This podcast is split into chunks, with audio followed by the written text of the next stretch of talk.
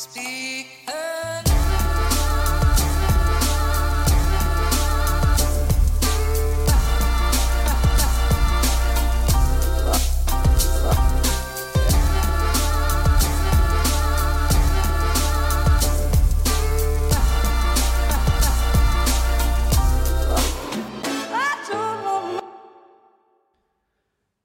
og velkommen hit til Klagemuren.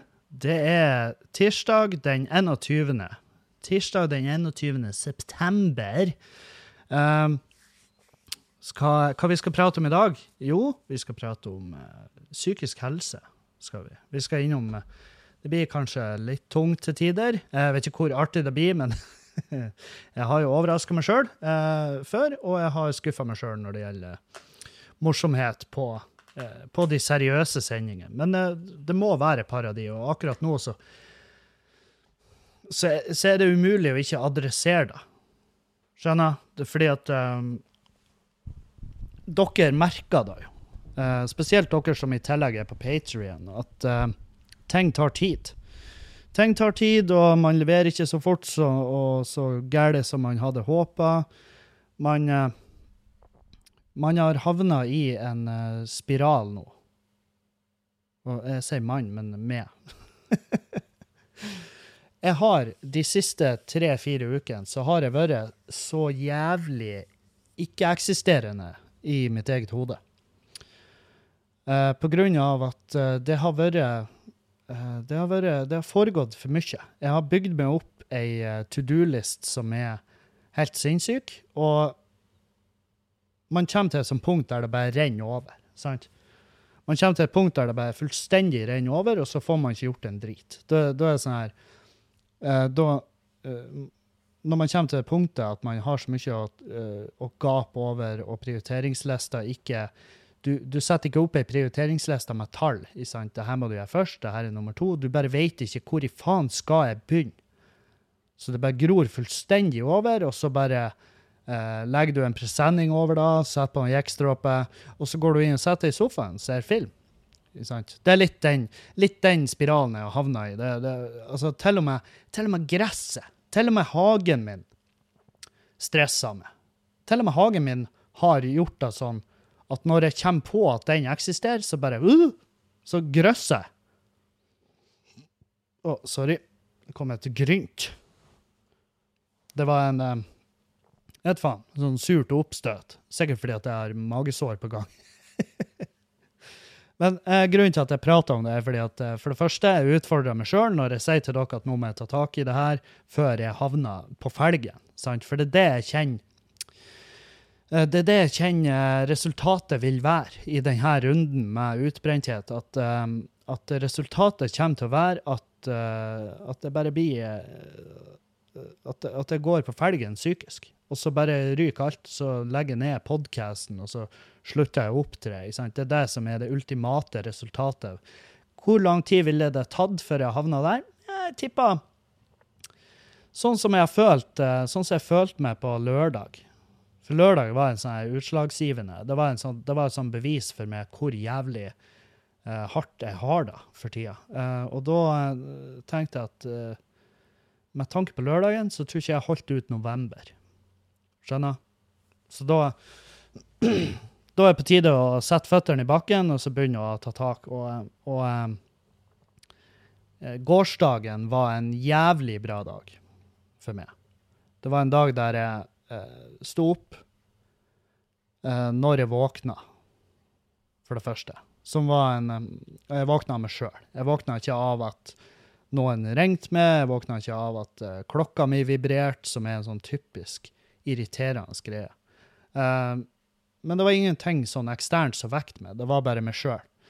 Og jeg satte meg ned, og jeg begynte på den to do-lista mi. For jeg, jeg tenkte at nå må du uh, Og det gjorde jeg heldigvis i helga.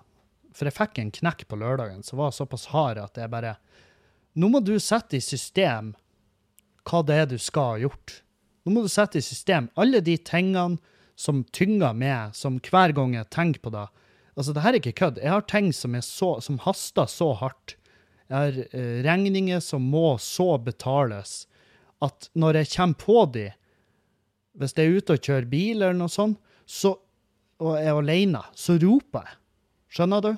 Så jævla mye makt, så mye energi, negativt sett, er knytta opp til alle de her tusen oppgavene jeg har, at når jeg kommer på de, så bare klarer jeg ikke å holde tilbake. Så jeg tar et så hardt tak i rattet at det, at det vrir skinnet rundt på rattet mitt i, i bilen og roper. Jeg klarer ikke å holde igjen lyden. Sant?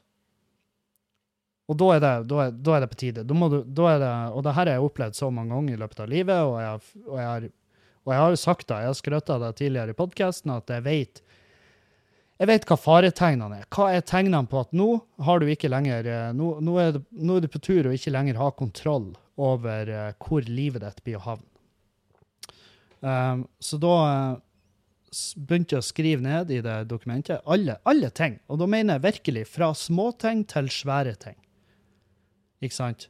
Fra småting som eh, flytt, Heng opp et bilde. Sant? Heng opp et bilde. Det er en liten oppgave, men det kan ta meg fire uker. Sant? Så jeg har satt inn småting til svære oppgaver, som eh, kontakt skatteetaten, eh, tilby blowjobs, ikke sant? Sånn type. Enorme oppgaver. Ting som, eh, som har masse å si. Og så er det å sette eh, prioriteringer. Sant? Du har enere, toere, treere, firere, femmere. Alt, du kan jo ha så mange nivå du bare vil. Men Og så har du liksom de oppgavene som er så svære at det blir å ta mange dagers arbeid. Sant? Så da kan du sette i det systemet ditt så kan du sette at nå skal jeg arbeide på de her oppgavene én time hver dag til at det er gjennomført.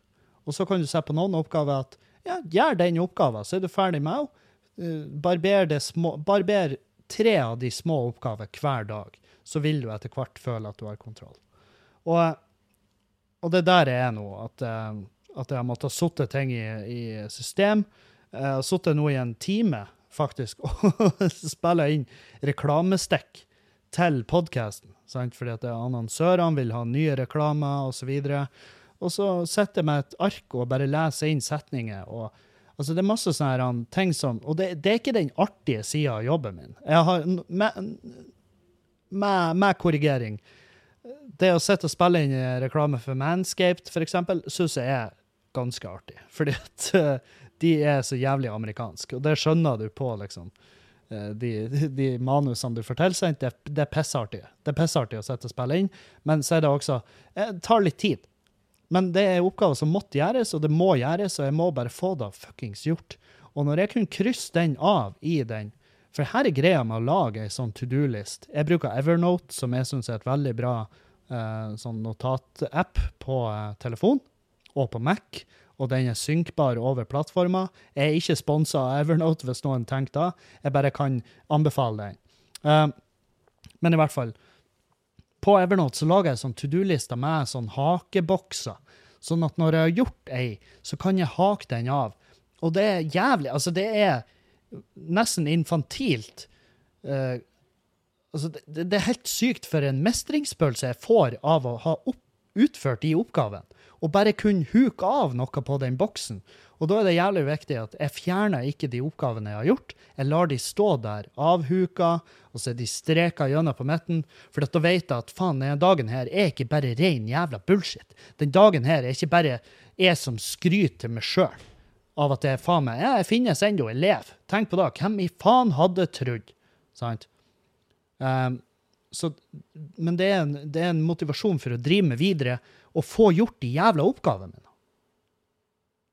Og jeg har gått tur, og jeg har uh, svetta, jeg har uh, gjort husarbeid, jeg har gjort booking, jeg har gjort masse. Jeg har vært flink denne uka, men jeg har ikke vært flink de siste ukene til å ta vare på meg sjøl og ta vare på oppgavene jeg har. Og det har vært altfor mye gøy. Altfor mye gøy, altfor lite seriøs fuckings jobb. Sant? Um, og jeg merka spesielt det her å booke meg sjøl. Det å skal sette meg ned og ringe kulturhus og prøve å ta opp tråden på de showene som ble avlyst pga. Av korona. Hei, det er han Kevin. Uh, ja, jeg ringer direkte fordi at nå booka jeg meg sjøl. Som er uh, virkelig en stor oppgave. Det er en svær del av jobben å være standup-komiker, og det er derfor vi prøver å sette bort de oppgavene, fordi at For det første, det er folk som jobber med å produsere og booke og eh, være eventmanager, og det er en egen jobb, det er egen stilling, og det er en grunn til det, fordi det er en vanskelig jobb. Det er en hard jobb, du må være flink å forhandle for å kunne tilby den beste jævla eh, mulige økonomiske utveien for din klient, som i dette tilfellet ville vært med. Sant? Men nå er jeg min egen klient og er min egen bookingagent. og og Det er lenge siden jeg har gjort det. Jeg har ikke lenger følelsen for hvordan man eh, føler seg fram. Hva er den beste dealen vi kan få ut av det her? Så jeg har liksom, Men jeg har ringt, eh, jeg ringt bare direkte til Kulturhuset og prata med dem. Bare, Hei, det er Kevin, jeg er alene, jeg har ingen. Veldig trist, men sant. Og de har vært jævlig kul til nå. Folk, altså Kulturhusene har vært sånn Herregud, ja visst faen vi vil ha showet ditt. Det var så trist at vi måtte avlyse. Vi setter gjerne opp. Så jeg vil bare på forhånd bare takke Narvik og Harstad kulturhus, fordi at jeg skal til begge byene, gjøre showet mitt, og de Når jeg ringte de, så ble jeg møtt med Jeg ble møtt med glede, jeg ble møtt med varme og kjærlighet, og det var så fette deilig. Det, og det var de første jeg på en måte tok opp tråden med. Uh, og det ga meg motivasjon for videre arbeid, fordi at um, det å høre at de òg er keen, og de er veldig gira på å få arrangert, og de er veldig interessert i å levere kultur til nærområdet. Jeg synes det er jævlig det er jævlig deilig når jeg møter på de som faktisk liker jobben de er i, når de jobber på et kulturhus, fordi at gud bedre, det er mange av de som, som du merker at å ja, du ble plassert her for å tilbringe dine siste dager i kommunalt system på en eller annen plass der de hører minst mulig fra det. Sant? For det, det finnes, de finnes på ekte. Altså de som har bare grodd seg gammel og lei på et kulturhus. Og det er ingenting galt med veteraner, så lenge de har en kjærlighet for det de gjør. det er veldig lite som er mindre sexy enn å komme en plass og skal opptre, og så blir du møtt av et sånn der han i døra. 'Hei, det er han Kevin! Jeg skal gjøre standup her i dag!' Og de er sånn her «Åh. Ja, kom inn. Sånn der, det, det har skjedd. Jeg har følt meg uvelkommen på plasser der jeg skulle opptre, og det er den jævligste følelsen i verden. Fordi at du får faktisk dårlig samvittighet. Fordi at hvis du tenker på standup, sant «Øh, Jeg har satt en verdi på meg sjøl. Jeg syns at jeg sjøl er så artig at hvis du skal nyte det her, så må du betale penger for det. Hvis du vil høre hva jeg har gjort de siste to årene av fucked up shit jeg har vært med på eller opplevd, så må du betale penger til meg for å få høre det. For så jævla interessant er jeg at jeg er verdt penger. Sant? Og det er en horribel tankegang. Det er helt jævlig å sette seg sjøl i den tankerekka, men det skjer når vi havner på en plass der vi føler at de ansatte vil egentlig ikke ha oss der. Da får vi den her øh, helvete, hva det jeg gjør? For et horribelt menneske er som reiser rundt og krever penger for å prate drit. Og, og de vil jo ikke høre om jeg fikk en finger i rævhølet, eller at jeg er treg å betale skatt. Ikke sant? Sånne der ting. Eh, sånne tankespill, det, det, kan, det kan bringe meg helt ut på kanten. sant? Og, og, det skjer når jeg kommer på en plass der jeg ikke føler at eh, de ansatte gjerne skulle ønske at det heller var et eh, Creedence coverband, eller ja, jeg skjønner, eller en eller annen sinnssykt dyktig, ukjent jazz Uh, musik, uh, musikant av noe slag. sant? Og jeg skjønner da, alle har sine preferanser og alt det der, men jeg elsker å komme på plasser der de, der de bare de, elsker, altså de digger jobben sin. De drar næring ut av et vel utført event. Skjønner? Det er det beste jeg vet. Fordi at da føler jeg at å, de, de er så fette gira at jeg blir gira. Det er smittsomt som faen, fordi at jeg er en, en humørkameleon. Altså, det er bare at jeg er i rommet med noen som har en bra energi, så kan jeg òg kopiere den. Og ja, jeg vet det høres fette hippie ut, og det er kanskje fette hippie, men det, det funker, for faen. Det har noe å si. Så tusen takk, Harstad og Narvik kulturhus, på forhånd for at dere har vært så jævlig kule, og så jævlig innbydende, og så jævlig gira på å få det her til. Tusen hjertelig takk. Og jeg gleder meg til å komme oppover til Harstad og Narvik, faen heller. Og jeg jobber med Sortland, jeg jobber med Mo- Mosjøen, jeg jobber med Sandnessjøen, jeg jobber med Nesna, jeg jobber med til og med Bardu, Bardufoss. Eh, altså, det er sånn Jeg skal rundt omkring. Og Men men ja, etter siste ukes episode, og, for da lå jeg liksom bare da, jeg lå ikke jeg husker, jeg husker akkurat hvordan jeg satt òg. Jeg satt ubekvemt inne på et hotellrom i Oslo og var eh, var ensom. Jeg var eh, lei av å være sliten. Jeg fikk ikke i meg mat, fikk ikke noe særlig søvn. Um, følte ikke jeg fikk gjort noen av oppgavene mine. Uh, jeg gjorde en bra Jeg sto på uh, Salt på tirsdagen, så sto jeg på uh, Brød og sirkus på onsdag. Og begge gigene gikk veldig fint. Så reiste jeg liksom torsdag opp til Tromsø, og så var det to show i Tromsø. Det første showet der gikk veldig bra, andre showet gikk nje, helt OK. Eh, og så var jeg ned til Bodø og uh, arrangere klubbkveld i Bodø. Så da var jeg i Lyden og rigga salen og vaska og styra, og jeg hadde fett god hjelp av Julianne og Charlotte og de ansatte på puben. Eh, og vi fikk da Det var et vel utført arrangement, eh, vil jeg påstå. Og dyktige komikere. Eh, jeg må bare gi de en tommel opp. Henning Bang var der, som var helt nydelig å se han igjen. Eh, det var deilig å henge med og Isalill i Oslo. Og Nei, det er bare jeg føler at Og det her er, det her er greia med det. Det er at når vi er ute, komikere, og gjør show og sånn, det er jo selvfølgelig en del av arbeidet, men det er jo også den trivelige delen av arbeidet. Det er å henge i lag, reise rundt, få publikum til å flire. Jeg har jo ikke sett jeg, altså Alle ære etter kulturhusene og alt det her, men jeg har jo ikke lyst, det er jo ikke den fine delen av jobben min å sitte og skrive mail med noen jeg ikke har et fjes å sette på. sant? Det gir meg ingenting sånn sett, men jeg vet at det er den viktigste delen av jobben. Fordi at hvis du ikke har en plass å arrangere et arrangement, så vil det arrangementet gå til helvete, med mindre det er en sånn her, eh, sånn her uh, spontant grotte-rave. Ja, men er da må du finne ei grotte, sant? Og det er et arbeid. Hvis du ikke har den grotta, så står du Hva du gjør da? Står du på en fotballbane og raver? Ja, det har sikkert vært fett nok, det, men du hadde blitt tatt før eller siden. Så Nei, det, det var Det er jævlig mye Jævlig mye play, ikke sant? No work, masse play. Og, og det er en viktig del av jobben, det å gjøre showene og fære ut og prate med andre komikere, nettverking og alt det her. Det er en superviktig del av jobben. Det er en veldig, veldig markant del av det jeg driver på med. Men uh, det, det blir tidvis for mye drikking, altså. Det blir altfor mye drikking, og, og da um, får du ikke god søvn. Og når du ikke har god søvn, så er dagen etter uh, den ligger tynt an. sant? Og så skal jeg gjerne reise, jeg må tidligere opp enn jeg ønsker, osv. sant? Og, det, og jeg, jeg prøver ikke å sanke noe eh, sympati, sant?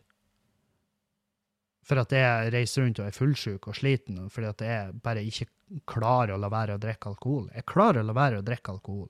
Det gjør jeg. Um, og det har jeg gjort masse i det siste. Og jeg kommer til å gjøre det mer. Og det Jeg bare får gang på gang bevisst at jeg, jeg syns egentlig alkoholrus er noe dritt. Jeg syns det er noe dritt, fordi at det bare Altså, alt, all den skaden den det, det er faen meg helt horribelt. Og med tanke på hvor dårlig jeg fungerer på det. Sant? Jeg fungerer så dårlig på alkohol at, eh, at eh, Og det kommer jo med alderen òg, at det blir tyngre og tyngre å skal ha de her beinharde festukene. Det, selvfølgelig, og det er bra. Det er bra at kroppen bare Du, nå bremser du, eller så bremser jeg det. Sant? Kroppen bare Hæ? Hva likte du der? Litt gulfarge på øynene? Kanskje du skal ta det som et symptom på at du raserer her hjemme? Um, ja, så, så det er Jeg fortjener bedre, Julianne fortjener bedre, og dere fortjener bedre. Dere lytterne fortjener uh, så mye bedre enn en fyr som sitter og skal uh, syte og klage fordi at han har for mye å gjøre. Og syte og klage for at han er tidvis fullsjuk. Altså, du får ikke sympati før du har et skikkelig problem med alkohol. Sant? Det, det er kun Altså ja, ja, ja, hvem har skylda for fylla? Ja, nettopp. Hvem har skylda for fylla? Men går du og sier da, går du og vekker en, går du og vekker en alkoholiker som ligger sitt og sover på en park benk, går du opp til de og bare Hei! Du, har du det kjipt? Og han bare Ja, det har jeg. Og så renner det øl ut av den 1,5 liters plastflaska med, med eh, sånn dansk murerpils, sant? Ja, jeg har det kjipt. Ja, så, ja men hvem er skylda for fylla? Hallo! Fokus! Sant? Du, du gjør jo ikke det. Men så har du meg, da, som er en functioning alcoholic, eller jeg er jo ikke da engang. Det er ikke sånn at jeg, jeg går ikke rundt og kaldsvetter, jeg går ikke rundt og, og craver alkohol. Det gjør jeg ikke. Det å, å, å skulle ha drukket alkohol nå, det kunne ikke falt meg inn. Det kunne på ekte ikke falt meg inn. Det, det har jeg ingenting igjen for. Uh, så ja. Har ambivalent forhold til den rusen jeg benytter meg av. For det er den rusen som er lovlig i det forbanna landet. Og um, ja. Men uansett, poenget står. Dere fortjener bedre. Dere fortjener bedre fordi dere er fette dritbra lyttere. Jeg er så glad i dere, og jeg får så mye meldinger og så mye spørsmål og så mye Altså, jeg har et forhold til dere som er uh, rimelig unikt, vil jeg tørre å påstå. Og, og jeg setter utrolig pris på dere. Og alle støttemeldingene og alt det her. For dere, det her er det. Dere er blitt så kjent med meg at dere hører når jeg har, når jeg har en nededag. Jeg tipper at de fleste, de mest hardbarka lytterne av den podkasten her, de som virkelig på ekte lytter, jeg tipper de kan i løpet av de, det første minuttet når jeg begynte å spille inn en podkast, så kan de fortelle Så kan de sette på pause, og så kan de snuse til lyttergruppa og bare Bap. Uh, Dette blir en episode der Kevin er ganske dark. Uh, tror han, og så blir det ganske artig underveis. Og så går han ut på en rant eh, som eh, faktisk funka på et eller annet fucked up nivå. Og vi elsker jo ranter, fordi det er ganske enkel og billig humor, men det funker. Det, det, bringer noe til bordet, og han forteller mening om et eller annet ymse tema som ikke har så jævla mye å si i det store bildet. Men det er en ting som går inn på han, og derfor adresserer han det. Sant? Dere, dere lytterne vet jo det. Dere, dere kjenner meg såpass godt at dere hører hva det blir slags episode. Og men på ekte, dere fortjener bedre. Fordi at dere legger tidvis Og det her er eh, Nå legger jeg meg helt flat. Tidvis har dere lagt mer arbeid i den podkasten her enn jeg har gjort. Har det føltes som. Jeg vet jo at jeg vet jo at det er jo jeg som må rigge opp utstyret her, starte uh, opptaksutstyret, jeg må gå på do, jeg må spise, jeg må drikke, jeg må preppe skrive notater, jeg må gå gjennom forrige uke, hva har skjedd, er det noe som er verdt å nevne, bla, bla, bla. Eh, ja, men allikevel, hvis jeg går inn og føler at jeg har ikke noe å komme med, og jeg føler at jeg leverer et dritprodukt, så går det skikkelig inn på meg. Det går jævlig inn på meg. Det går inn på meg at jeg, det holder meg våken. Eh, jeg blir irritert på meg sjøl fordi at dere har gidda å høre på det her, og så er det bare ikke bra nok. Og så går jeg og tenker på det hele uka, og da sitter jeg jævlig langt inne og skal begynne å spille neste episode, fordi at da har man en større fallhøgde igjen, fordi at folk går inn og bare tenker ah, fy faen, hvis, da, hvis denne episoden suger rævhøl, så blir ikke jeg å høre neste, fordi at nå har det vært to drittepisoder på rad. Det her er på ekte. Er, sånn her funker hodet mitt. Og jeg ser lyttertallene, de er kjempetydelige. Plutselig er det uka der det er 20% ned i forhold til forrige uke, og jeg går i en mild depresjon, fordi at jeg skjønner ikke hvorfor. Jeg bruker for mye energi og tid på å tenke på det som egentlig ikke har noe å bety. Fordi at det som betyr noe, er de som hører på det her gang på gang på gang fordi at de har lyst til å høre på det. Ikke de som detter av. Hvis det er noen som detter av av en eller annen grunn, å nei, jeg har ikke tid, nå skal jeg reise på ferie, eller uh, nå skal jeg inn i uh, Paradise Hotel og jeg får ikke lov å ha mobil, eller hva nå enn faen som er en slags grunn, eller bare nei, det her interesserer meg ikke lenger, det er en kjempeærlig sak. Fordi at hvis det blir for ensformig, det går i samme sirklene osv., så, videre, så, så blir man til slutt enten lei, eller så blir det en vane, en del av hverdagen. Og, og jeg vet mange lyttere kommer tilbake etter hvert. De bare 'Å, skal lure på hva går med Kevin?' Og så bare bang, inn, og så er de tilbake. Og det er også så helt fantastisk. De bruker å få meldinger fra 'Hei, Kevin, jeg har ikke hørt på det på ett og et halvt år.' Og jeg må bare si det er utrolig artig å høre hvor langt du har kommet, osv. Ja, det er jævlig fett. Tusen takk. Uansett, hvis du lytter på det her, du fortjener bedre enn det mennesket jeg har vært de siste ukene, fordi at jeg har latt, uh, jeg har latt andre ting uh, Jeg har latt uh, stresset, jeg har latt angsten og alt det ta over for det som virkelig betyr noe, som er det faktum at hvis jeg skal greie meg innenfor det her faget, podcasting, standuping, eller uansett faen hva det er jeg skal greie meg innenfor, så må jeg arbeide. Jeg kan ikke bare sitte på hendene og syte over at stønadsordningen forsvinner, og jeg syns det er tidlig. Uh, Hei, Abid Raja, kan du gi meg penger? Nei! Kan du skaffe deg penger? Kan du arbeide? Kan du sette deg ned og fuckings bare få gjort det som du skal ha gjort?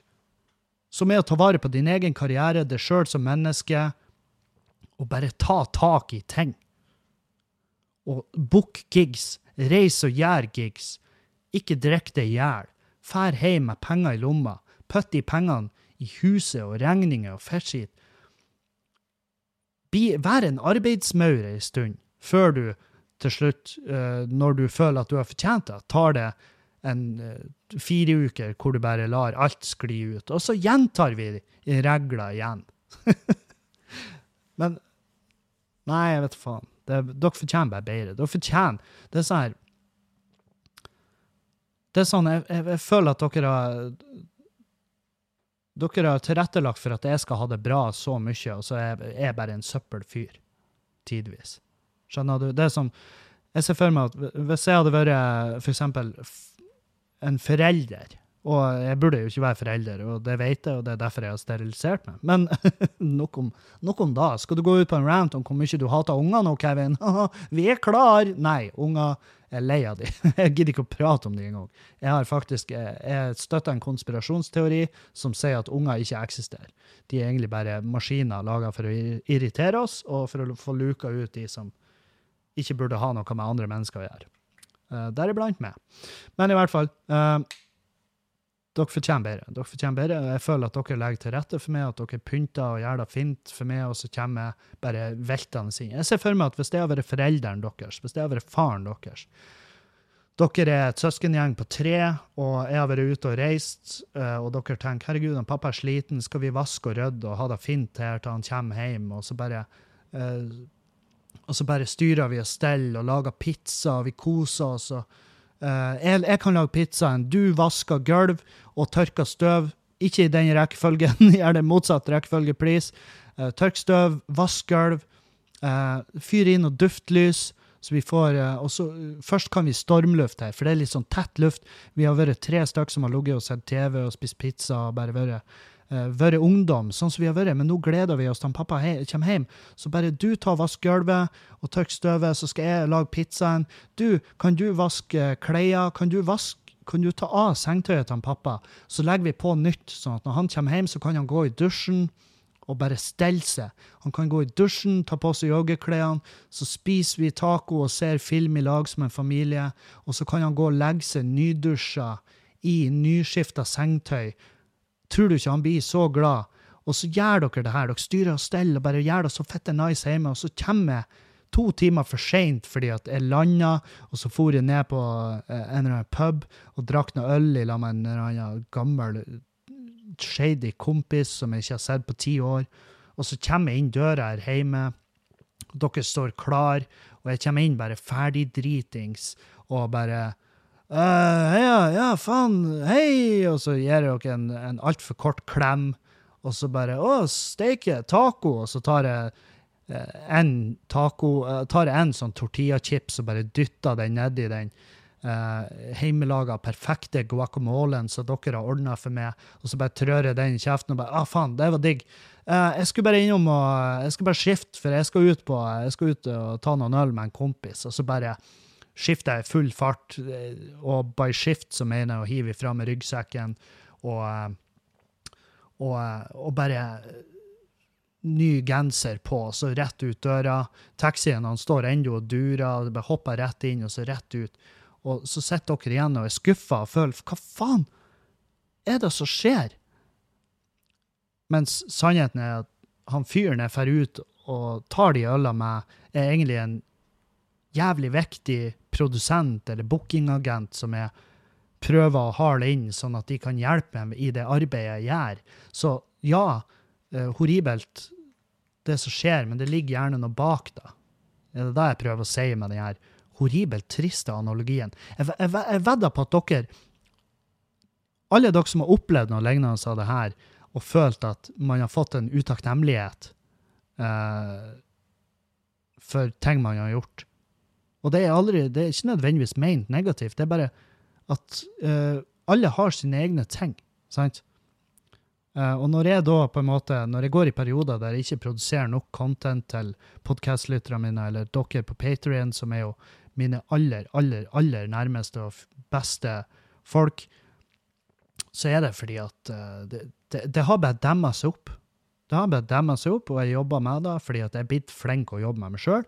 Jeg har veldig mye bedre evne til å stille meg på utsida. Eh, bare se på meg sjøl fra sidelinja litt, og bare OK, ja, her trengs det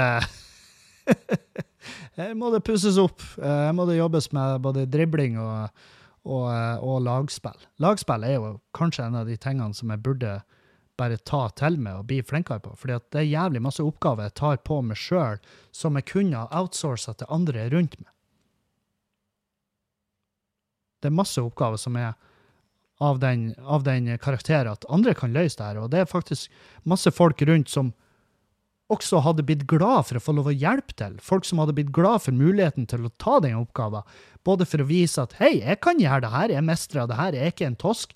Eh, også, jeg har lyst til å hjelpe til på hva nå en slags eh, foretak eller hva nå en slags sammenheng det her er. Folk har lyst til å trø til. Fordi at det er mulighet til å henge med det. Og det her er ikke mer generelt, det gjelder alle. Eh, det å eh, det å til slutt innrømme at nå er det jævlig mye, kan du hjelpe meg med det her? Og jeg, jeg, jeg, jeg har sagt til Julianne, jeg har gitt Julianne oppgave, hvor det er sånn Julianne, kan du gjøre det her for meg, uten at jeg er med på Altså, kan du alene gjøre det her, så slipper jeg å være med på det og tenke på det, og kan heller fokusere på alt det andre her. Og hun sier bestandig ja.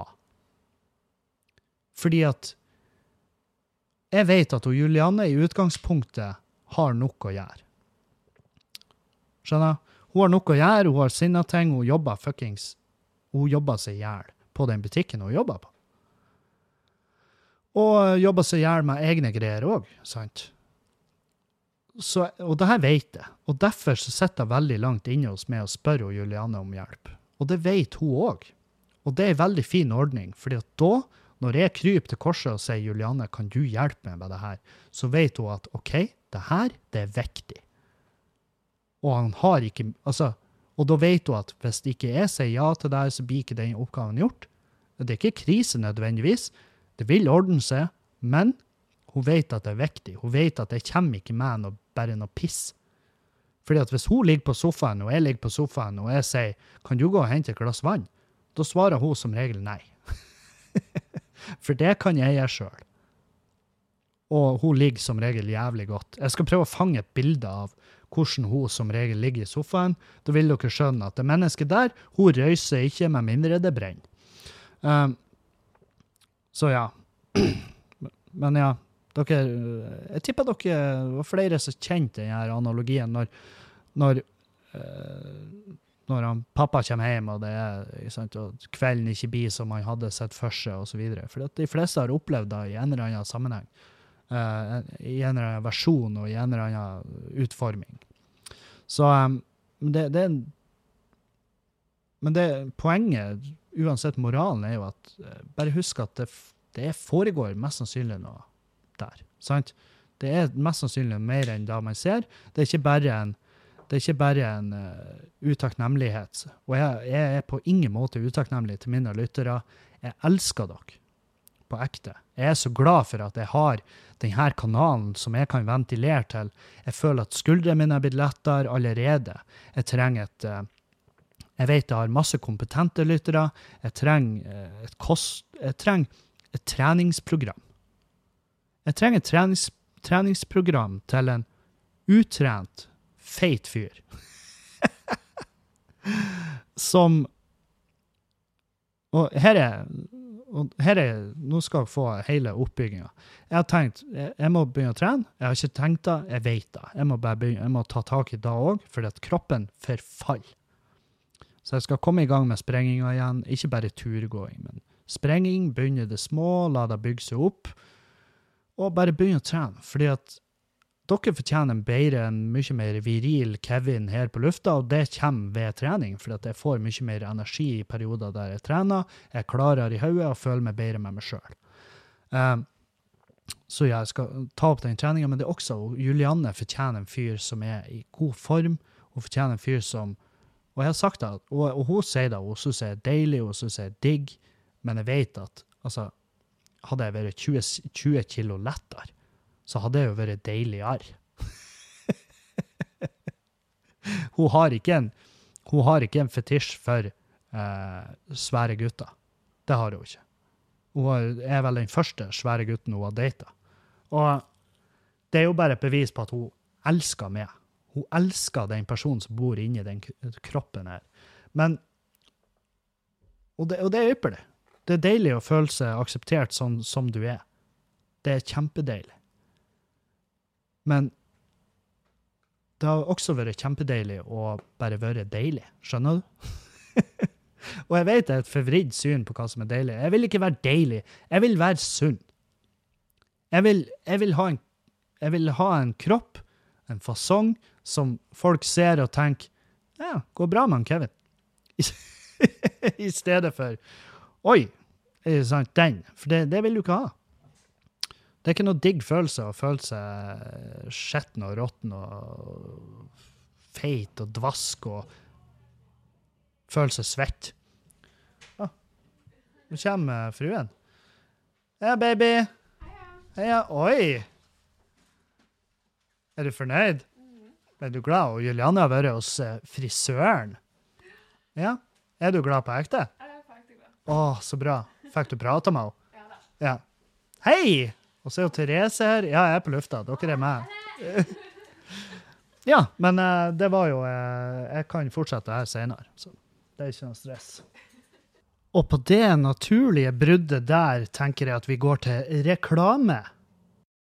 Og eh, der var altså da reklamen gjennomført, hvis du hører på linær podkast-radio, eller hva nå enn da kalles. Men hvis du er på Patrion, så slapp du unna reklamen. I, i, men samtidig Oi, det her regna da snusbokser.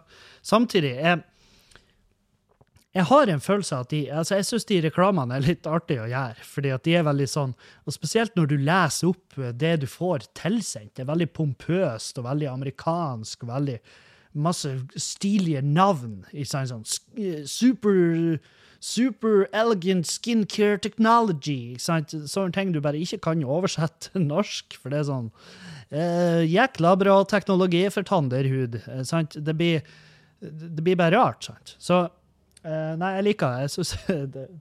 På et eller annet nivå syns jeg de reklamene er artig å gjøre. Uh, spesielt når det er skikkelig pretensiøse greier.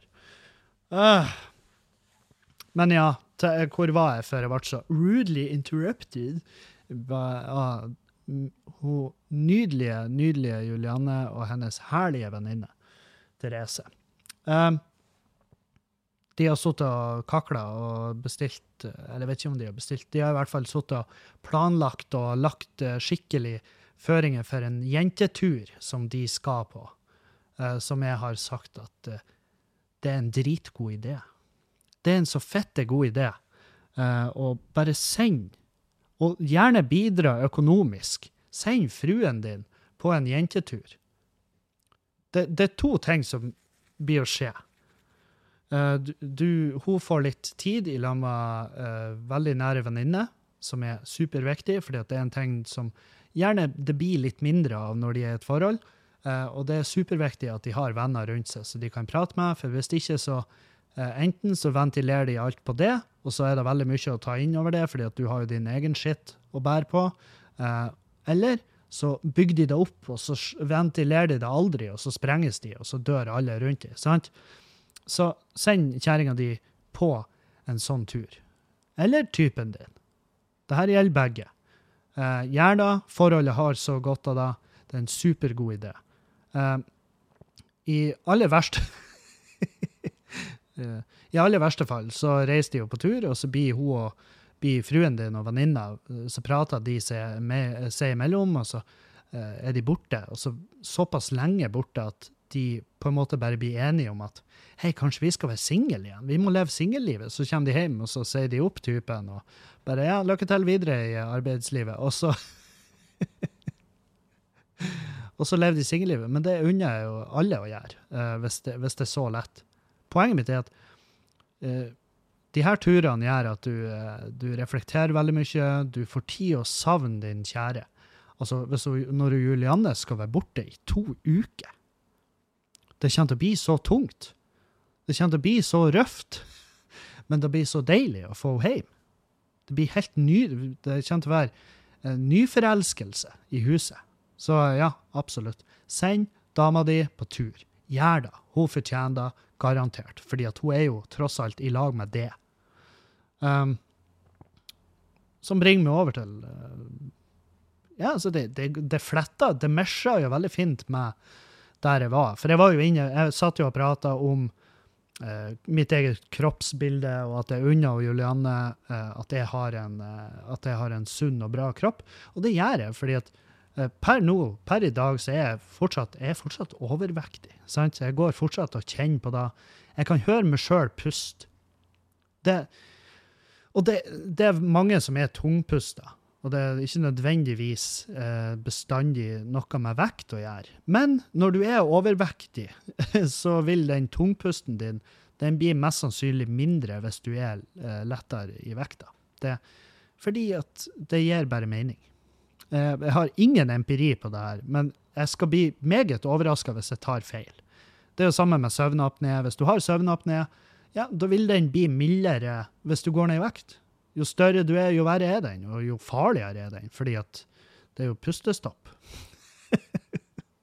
det er artig at kroppen din faktisk Og det her, jeg har søvnapné. Det er artig at kroppen din bare av og til blir lei av å gjøre den eneste jobben den har. Altså Lungene dine er sånn Nei, vet du hva, nå tar jeg nå tar jeg to minutter pause. Nå tar jeg to minutter mental, mentalt helseminutt her borte. For den lunga her er så lei. Sant? At uh, kroppen din bare blir lei av å gjøre sin daglige oppgave. Um, og det er jo gjerne et signal kroppen sender om at nå, uh, nå mishandla du meg, så da plager jeg det tilbake sant? Med at du blir tungpusten, at du, blir, at du får makspuls av rare ting. Sant? Når du kommer til det punktet at du, du gidder ikke onanere, fordi at du vet at det kommer til å bli slitsomt også. Jeg sier ikke at jeg er på det punktet, men jeg har vært på det punktet. Jeg har vært på det punktet at det var et såpass svært arbeid at jeg følte ikke jeg hadde energioverskudd nok til å gjøre det. Tenk deg å nedprioritere noe så enkel sjølpleie som onani og det her, her, var når jeg var på mitt største. Da, da var bare det. Det var, det var ikke noe jeg, jeg hadde ikke lyst. Det, var, det tok for lang tid, det var for mye arbeid. Følte ikke noe av det var deilig. Du får et sånt forhold til din egen kropp at du ikke tenner på onani engang. Det er ganske horribelt. Så Og der skal ikke jeg havne. Jeg sier ikke at jeg er på tur dit igjen, at jeg skal bli så fucking svær, men for det, vil, det er mange kjepper jeg ville stukket i mine egne hjul for, på, på, den eventuelle reisen til å bli så svær igjen. Men jeg merker at uansett hvor sunn jeg er, hvor mye jeg går ned i vekt og alt det her, så er det, det der jeg sliter mest, det er jo den varige holdningsendringa til, eh, til mat og kropp. Sant? Og det er, eh, og det er det, er der arbeidet ligger. Som er grunnen til at jeg var, når jeg fikk liksom For jeg var jo, jeg var jo i den vekta at jeg kunne Og legen min snakka med meg om det, at du, du, kan søke om å få sånn operasjon. Slankeoperasjon. Jeg bare, du, det er uaktuelt for meg, fordi at det er jo inni hodet mitt jeg må endre meg. Kroppen vil følge etter hvis du endrer hodet til at nå skal jeg spise mindre og mer og sunt. Sunnere trenger ikke å være sunt. Du, du, må ikke spise sunt for å være tynn. Jeg kjenner jævlig mange uh, tynne folk med flotte kropper som uh, du ser at her er det muskler, det er en uh, Og det, det, er alt. Det er litt det, det, er bra med fett på den, han holder nok varmen greit, men det er muskulær, det er en, det er en, Det er en sunn, hard arbeidskropp. Det her er en eh, mann eller en kvinne som kan holde seg i bevegelse over lengre tid uten å være redd. De nedprioriterer i hvert fall ikke onani i hverdagen fordi det er for mye arbeid. De, de nedprioriterer vel sikkert heller onani fordi det ikke er nødvendig med tanke på hvor mye sex de har. Eh, Masse sånne folk. Og de, er engang, de trenger ikke være sunne. Det er bare mengde og fornuft. Sant?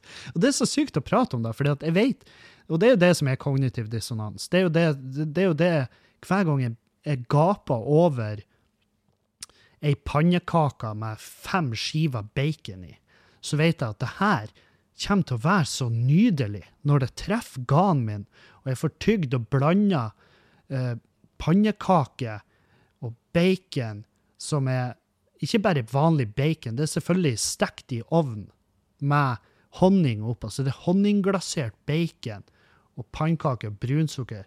Og jeg vet at når det Og, og blåbærsyltetøy. Ikke sant? Og når alle de mesjer i ganen min, og alle smakene bare treffer tunga og smaksløkene, så bare eksploderer jeg i en vill eufori. Samtidig så jeg vet at det her, det her, måltidet her, er fuckings Det er hyperloop. Det er et vakuumtog. Og de går jævlig fort. Altså, de kan gjøre Oslo-Stockholm på 30 minutter, teoretisk. Så Og jeg vet at det måltidet jeg nyter så fette hardt, er samtidig også hyperloopen til eh, hjerte- og karsykdommer, diabetes, fucking eh, Alzheimers, demens, alt det her. Uh, jeg vet ikke om Alzheimers. Demens tror jeg i hvert fall er livsstilsbasert. Alle de her. Alle sånne horrible sykdommer er livsstilsbasert, som regel. Uh, som er jo da at du vet at det her er farlig, og det tar livet av det, men det er jo også da som gjør det så fette digg. Det er jo da som gjør det så fette digg. Det er jo derfor du har lyst. Det er jo derfor du har lyst til å, å kjøpe en is hvor det ligger en banan dyppa i sjokoladesaus, og det ligger en banan og bader i den isen, og ligger der og bare 'Hei, kompis, skal ikke du ta med meg hjem i magen din?' Sant? Kanskje det blir interessant for oss begge. Sant? Så Og du vet da, det er fette digg. Du spiser rubbel og bit, sånn at du kan skjemmes mest mulig etterpå. Uh, og alt det her det er nydelige øyeblikk. Det er nydelig. Og de her øyeblikkene, hvis du spiser et skjettent måltid, så burde du faen meg elske det. Du må nyte det. Fordi at det skal være verdt det. Og når du sitter etterpå og har dårlig samvittighet, så har du gjort noe feil. Da har du gått inn i det måltidet feil. Du skal gå inn i det måltidet med en sånn tankegang at det her måltidet her, det har jeg fuckings fortjent, og jeg skal eie det. Og jeg skal nyte det. Og når det renner hamburgerdressing nedover haka mi, jeg skal nyte det sånn som en pornoskuespiller later som at hun nyter hver en desiliter av den sæden i det bukakefesten hun er med på, som hun mest sannsynlig ikke får godt nok betalt for, og hun er i en horribel situasjon i livet sitt, så hun hater hvert millisekund av hele den festen der. Sjøl om det heter fest, så er det et mareritt. Sant? Men du skal nyte det. Hvis du ikke nyter det horrible måltidet, så har du ingenting igjen for det. Da har du et horribelt måltid og horribel skam etterpå. Og da har du tapt, for da havner du i den sirkelen der du hater det sjøl fordi at du spiser, men du spiser fordi at du hater deg sjøl. Det der er jeg ofte. Um, og der vil ikke jeg være. Jeg vil ikke være der, og jeg vet hvor lett veien er ut. Men faen òg, altså. Det, det er et eller annet oppi hodet. Det er jo det de kaller dørstokkmila. Det er liksom ta det første jævla steget, da, din pikk. Ta det steget, og når det er gjort, så vil resten av reisen være så mye enklere.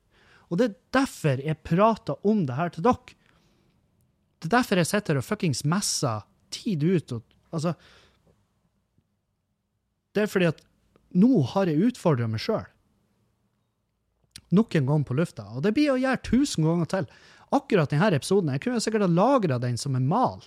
Og så må jeg sikkert legge den ut igjen om jeg vet ikke, ett år, to år. Og det er han der feite fyren som bor inni meg, som bestandig kommer til å være der. Og, jeg, og det her det er ikke en jakt på empati eller sympati eller hva noe slags ord som blir rett å bruke i denne sammenheng.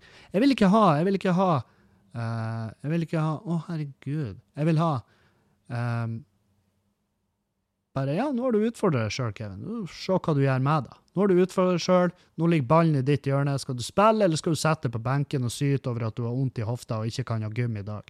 Sant? Det ja, det er eksempelet. Det henter jeg for lett ut av lufta. Det ligger nok noe i det. Men jeg utfordrer meg sjøl, og det er der jeg responderer best. Og det er når jeg gjør det, det er da jeg responderer best. Og ja, og jeg har godt av å prate om det, for jeg kjenner at bare denne episoden har vært ekstremt viktig for meg. For å få vekt av skuldrene og bare få ut uh, hva det er som foregår. Uh, og det foregår veldig mye, men det, men det går bra. Altså, det, er ikke, det, det er ikke noe sånn der uh, Det er ikke noe som er krise. Det er bare mye å gjøre som blir for mye til tider. Skjønner? Jeg, sa, jeg satt og lista opp venner jeg må få med Sant? For um, når du er når du er selvstendig komiker, selvstendig podcaster, selvstendig Patrion, altså du legger ut content på nett i form av videoer eller lydfiler, eller uansett faen hva det er. Um, bare, bare, generelt i showbiz i Norge, så er det kjipe er at hvis du har et jævlig sterkt uh, jævlig sterkt og ressurssterkt uh, management i ryggen, og du er bare på bar bakke alene, så må du, da er nettverk sykt viktig. Så du må nettverke mye. Og jeg, og jeg liksom sittet jeg, jeg, jeg har lista liksom eh, bransjer jeg burde ha venner i. Altså, så jævla kynisk, så jævla kaldt, så jævla Eh, jeg har sittet basically ønskelista over folk jeg vil ha i livet mitt. Ikke sant? Og, um, og da skjønner jeg hvor upersonlig egentlig den bransjen kan være til tider. Og det her er ikke altså, uh, Jeg har jo lyst til å liste opp her i podkasten alt jeg trenger, men jeg vil ikke, jeg, vil ikke Poenget mitt er ikke at uh, at jeg trenger en grafisk designer, hei, kontakt meg nå. Eller en regnskapsfører som jeg kan ha et veldig godt og nært personlig forhold til, som kan eh, forstå meg når han eller hun ringer meg og spør hva i faen det er du holder på med. Uh, ikke sant? Um, men poenget er ikke at jeg, jeg, trenger dere. Jeg trenger dere hvis dere hører på og syns det høres artig ut å jobbe med. Ja, ta kontakt. Um, men jeg, eh, poenget mitt er bare hvor jævla kaldt det er blitt. Jeg har fått et sånt forhold til at det er bare mekanisk. Det er bare tannhjul som snurrer, og, uh, og det skremmer at det på en måte biter på den personlighetstypen. At man skal at man skal gå inn i altså at etter hvert den bransjen du gikk inn i, som du elsker overalt på jord, fordi at det er et sinnssykt bra samhold, det er nydelige kollegaer som du har vilt personlige forhold til, um, og så etter hvert så blir det sånn at ja, det, uh, man på en måte kommer til et punkt der man også må tenke på at uh, man bygger en merkevare, og man må vedlikeholde merkevaren, man må legge ut ting, være aktuell. Hvis du ikke er aktuell, så er du, så er du ute. Hvis du er et år, halvt år ute, da kommer du inn på bar bakke. Må, da må du begynne fra bunnen av grind, og det er jo der basically alle er nå, etter koronapandemien. sant? Jeg merka det på billettsalget, jeg merka det på lyttertall på podkasten, jeg merka det overalt. Og det, og det, er helt greit, for jeg vet hva det er. Jeg vet hva det er snakk om. Jeg vet hva jeg må gjøre. Problemet er at på det punktet jeg er i karrieren, så, jeg, så, så, så faller lett for fristelsen til å ta lette utveier, som er å bare bli kald, kynisk, mekanisk, bare jobbe uh, uten å trives. Skjønner? At man på en måte gjør bare arbeid, arbeidet eh, så kaldt, så effektivt, så fort, så unna. Eh, opprett eh, kontakt, eh, bli kjent med folk så vidt. Eh, spør folk om tjenester. Altfor lett. Man får et sånt forhold til det at man bare blir eh, så, så, blir man bare egentlig Og det er jævlig kjekt til tider. Man får gjort ting, og man får og eh, de relasjonene man oppretter, hvis det er bra relasjoner, så holder man jo selvfølgelig på dem, men Det blir jævlig fort at man eh, går i et sånt kaldt vesen som er sånn bruk-og-kast-holdning til mennesker rundt meg, som jeg er veldig redd for. For det er ikke den personlighetstypen jeg kan på en måte eh, kjenne meg igjen i. Herregud, for en djup jævla Her skulle jeg prate om at strømprisene i Norge skal øke. Særlig. Det jeg kan si om det, er at jeg Og nå vet jeg ikke hvilket politisk parti jeg skulle ha stemt på da. Eh, Det kan hende at jeg stemte rett da med tanke på Rødt, men jeg er veldig imot det her at strømprisene i Norge skal mangedobles fremover. Og en av de grunnene er at vi har nå strakt en lang kabel, en sjøkabel fra Norge over til England. Og den åpna 1. oktober, og når den åpner, så blir strømmen i Norge enda dyrere igjen. Masse dyrere. Fordi at, uh, sikkert fordi at markedet i Norge da må bare matche øh, markedet i England, hvor det er fette horribelt nå. Så i Norge, hvor vannmagasinene er fette knusket tørr, og det sitter folk og griller i kanten der det før var 20 meter med vann over de, og, og, og, og det er mangel, altså mangel på fuckings kraft, eh, strøm i kontaktene. Worst case scenario, så må vi begynne å rasjonere strøm i Norge. Sant? Fordi at vi åpna en kabel 1. oktober som blir å ta kapasiteten vår og sende den til britene. Hvis Hvis vi hadde kunnet sagt at den kabelen alene skal øremerkes bruk og overskuddet fra den kraften, fordi at dere får den til spotpris, eller innkjøpspris, eller hva det heter, eh, kostpris. Du får strømmen til kostpris hvis dere lover å bruke de overskuddspengene og strømmen til å drifte tannlegekontor der og gi gratis tannpleie til alle. Hvis, det er det eneste. Så eh, da hadde jeg sagt OK, la oss gjøre det. For the greater good er greit. Jeg betaler gjerne mer for strøm noen måneder, hvis det betyr at et helt land kan få gratis og sårt trengt tannhelse. Men eh, jeg syns det er bullshit. Jeg syns det er fette bullshit at vi skal eh, Når vi ikke greier å produsere strøm nok til oss sjøl, tydeligvis. Og, eh, og så har jeg jo også forstått at strøm er ikke så lett å lagre. I form av vann i vannmagasin, ja, da lagrer du strøm. fordi at når du da slipper det vannet gjennom turbinene, så genererer du strøm. Men når strømmen er generert, når den er ferdig generert, så er det ikke bare å det, Du kan jo ikke tappe den på ei flaske og sette den til sides. Det finnes ikke batteri i, som har kapasiteten til å holde nevneverdig strøm sånn sett. Eh, sånn som jeg har forstått det. Så den må av gårde. Og når vi da har overskuddsstrøm, så blir det sendt masse av gårde. Men jeg vet da faen hvordan det her funker. Jeg klarer ikke å forstå hvordan et nettverk av strøm fungerer. Men det jeg kan forstå, er at jeg syns det er bullshit at vi ikke greier å holde oss sjøl med strøm som er på en levelig pris, når vi da skal sende strøm av gårde. og vi sender fornybar strøm av gårde, og så kjøper vi dritkraft som er produsert av kull. Som jeg syns er også rart. Men det er jo derfor Og her har du Kevin med de bastante meningene. Kevin synes det er rart. det er overskrifta. Er det ikke rart at vi ja, Jeg tipper det er noe større i bildet her, Kevin. Jeg tror det er noe som er såpass intrikat at du bare vil ikke forstå det. Med mindre vi setter på skolebenken i lag med to personer, og to personer som gjerne Og de, og de, de skal bare være eksperter på området. De skal ikke ha noen politiske meninger. De skal bare fuckings forklare det hvorfor det her må gjøres på den måten det må gjøres. Og så kan du gjøre det opp en mening. Er, hvor burde politikken ligge her? Skal du være Sant? Det, er det jeg tenker. Men jeg, be- jeg vet jo, jeg blir å få masse meldinger nå fra lyttere, og da vil jeg få meldinger fra begge sider. Um, men jeg er veldig spent på hva forklaringa er for at strømmen i Norge må bli masse dyrere, samtidig som vi eh, smugler frakt ut av landet. Nei, kraft ut av landet. Det, det forstår jeg ikke. Jeg, har, jeg klarer ikke å forstå hvordan noen skal forklare meg da, og få meg til å tenke «Hm, ja, ja, men da betaler jeg gjerne 500 til 1000% mer i strøm. Hvis det er sånn det er.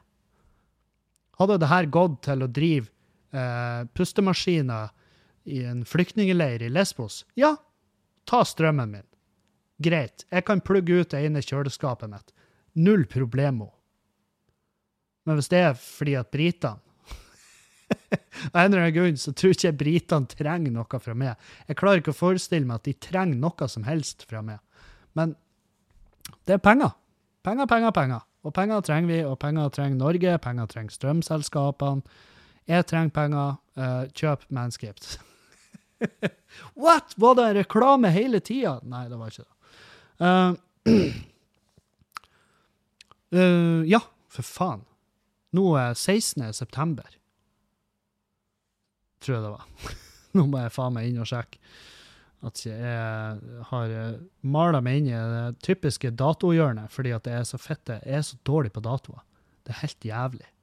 Og det er flaut til tider. sant? Uh, men ja. Så nå er jeg inne på Instagram, og det ble posta for fem dager siden. Å, dæven. Skal du gjøre matte nå? 16. september. Da har jeg og Julianne vært i lag i altså, Eller vi har møtt fire år siden vi møttes, på dagen. Uh, det er ganske vilt uh, å tenke på at det er gått fire år allerede. Og uh, samtidig ikke. Det føles som om det var i går, men det føles også som at jeg har kjent henne hele livet mitt. Og jeg har sagt det så mange ganger, men det og jeg tror ikke det heller blir å komme en dag hvor jeg blir å si at Nei, sånn er det ikke. Uh, jeg tok feil hele tida. Men jeg har sagt det mange ganger, og det er at hun redda livet mitt. Uh, uten å mene det sjøl. Uh, når hun ble i lag med meg. Og jeg, jeg visste ikke sjøl at det var da hun drev på med, at hun drev på og berga livet mitt. Men dere som har hørt på den podkasten her siden starten, dere hørte jo de Altså, det var jo i den perioden jeg møtte henne. Første sesongen. Ja, det er horribel lydkvalitet, men hvis du vil høre hvordan en psykisk syk mann sakte, men sikkert blir eh, friskere, blir sunnere, blir et bedre menneske, får mer kontakt med følelser, vektnedgang Fuckings Altså, det er et studie i hvordan en syke kan eh, gå fra det horrible, inneslutta, mørke, sjøldestruktive, eh, suicidale tidvise, til å bare bli mer en uh, varm, uh, følelseslada hippie. Sant? Den reisen er, Altså, jeg syns det er spennende, men det er fordi at det handler om meg. Mer meg. Herregud, kan vi alle prate om meg? Vær så snill! Nei, vi skal prate om at jeg har vært i lag med Julianne i fire år. Fordi at vi har Altså Og det her er uh, jeg ble, I mine øyne så ble jeg i lag med Julianne det sekundet jeg møtte henne. Hæ? Er ikke da noe av det særeste, kleineste, eh, ekleste du har hørt? ja, men det er sant, fordi at jeg forelska meg i henne i det sekundet jeg begynte å prate med henne. Og smiler, og at hun interesserer seg, og at hun har artige ting å si. Hun er artig, hun er, snapp, altså hun er kjapp med kommentarene. Hun er gira, er gøy, full av energi.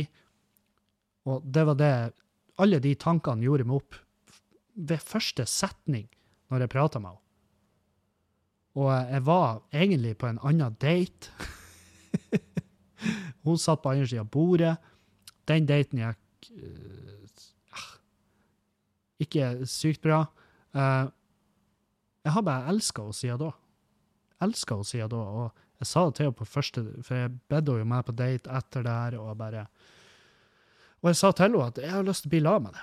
Jeg, jeg, det er det jeg tenker med det her. Jeg har lyst til å bli lag med det, og siden da har vi Vi har bare vært i lag. Så all ære til den jævla dama der. Fy faen, for et menneske. Altså, det er mulig. Jeg klarer ikke å skjønne at det er mulig. I tillegg så er det ja, vi har hatt jubileum på huset vårt. Eh, ikke sant? Vi har vært her i hva det blir, to år.